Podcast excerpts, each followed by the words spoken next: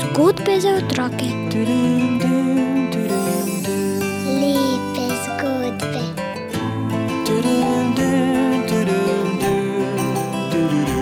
Bere nam jih Juri Sešar.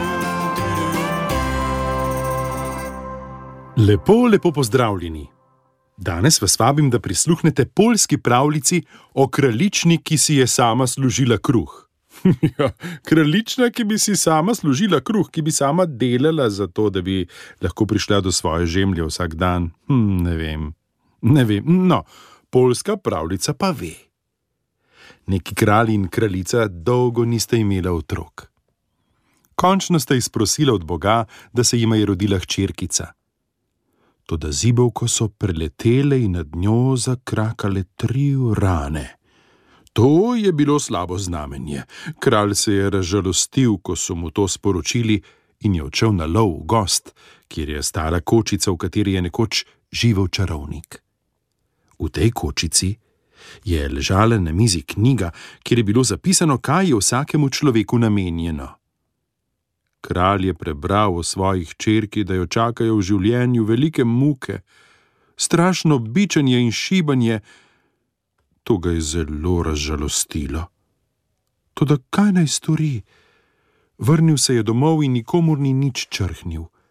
Deklica je odrasla, bila je lepa in gibčna, in kralj je počasi na vse pozabil. Ko pa je hčerka odrasla, si je utepla v glavo, da si hoče ogledati svet. Hotela je tudi kaj zaslužiti, kajti dotlej so vse na mesto nje delali drugi. In starši so ji dali kočijo in konje in spremstvo. Ko je prepotovala dobrih deset mil, se je ustavila v nekem mestu. Šla je k neki ženski meščanki in jo prosila za delo. Rada bi kakršno koli delo, saj vendar zna delati in da bi jo sprejela za hčer. Ko sta se domenili, je kraljična poslala kočijo in konje domov in se lotila dela v novem kraju. Nakupila je različne zlate in srebrne niti in stkala in uvezla prelep prt z monogramom kraljeviča, ki je živel v tem mestu. In kraljeviču so poročali o tem. Prišel je in ko je videl to lepo pregrinjalo ali prt, mu je bil tako všeč, da ga je takoj kupil. Vprašal je žensko, kdo je stkal in izvezel ta prt. Povedala je, da njena hči. Peljite me k njej, je ukazal kraljevič. Ko so ga pripeljali v njeno sobo, je rekel: Draga gospodična, ker tako lepo tkeš in vezeš, bi mi lahko stkala krono iz različnih zlatih trakov in zlatih krpic? Seveda, zelo rada, mu je odgovorila. Pa je spet dejal: Toda teh stvari ne dam delati ven. Priti moraš v moj grad in tam v posebni sobi stkati krono, da se ne bi kaj izgubilo. Kraljična je v to privolila. In v gradu je dobila posebno sobo in brokad za delo. V tej sobi je slonelo veliko ogledalo, ob nekakšnem kamnitem orlu ali labodu. Ko je že končala delo, bi rada videla, kakšna je krona na glavi.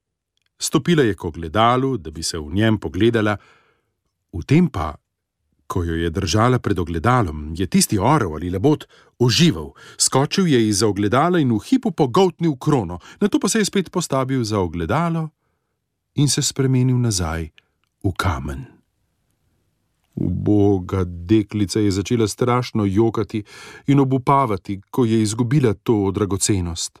Pritekel je kraljevič, da bi videl, kaj je. Ona pa mu je solzami v očeh povedala vse, kar se je zgodilo. Kraljevič tega ni hotel verjeti. Rekl je: O ne, ukradla si jo in konec. Preiskali so njeno sobo. Preiskali so vse grad in vrt, tudi krone niso mogli najti. Na to je kraljevič ukazal, naj deklico vržejo v ječo in jo prebičajo, da bi priznala. In tepli so jo tako, da je telo krvavelo, tudi ona je trdila svoje.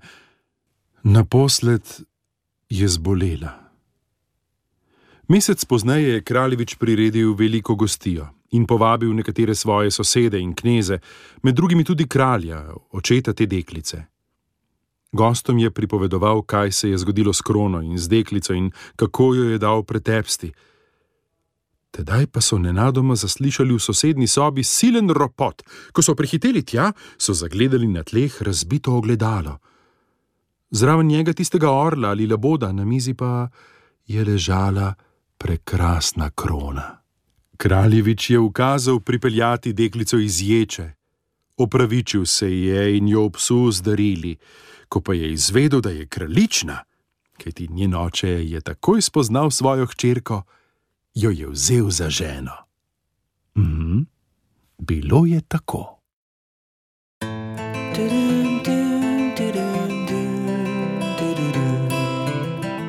Zgodbe za otroke.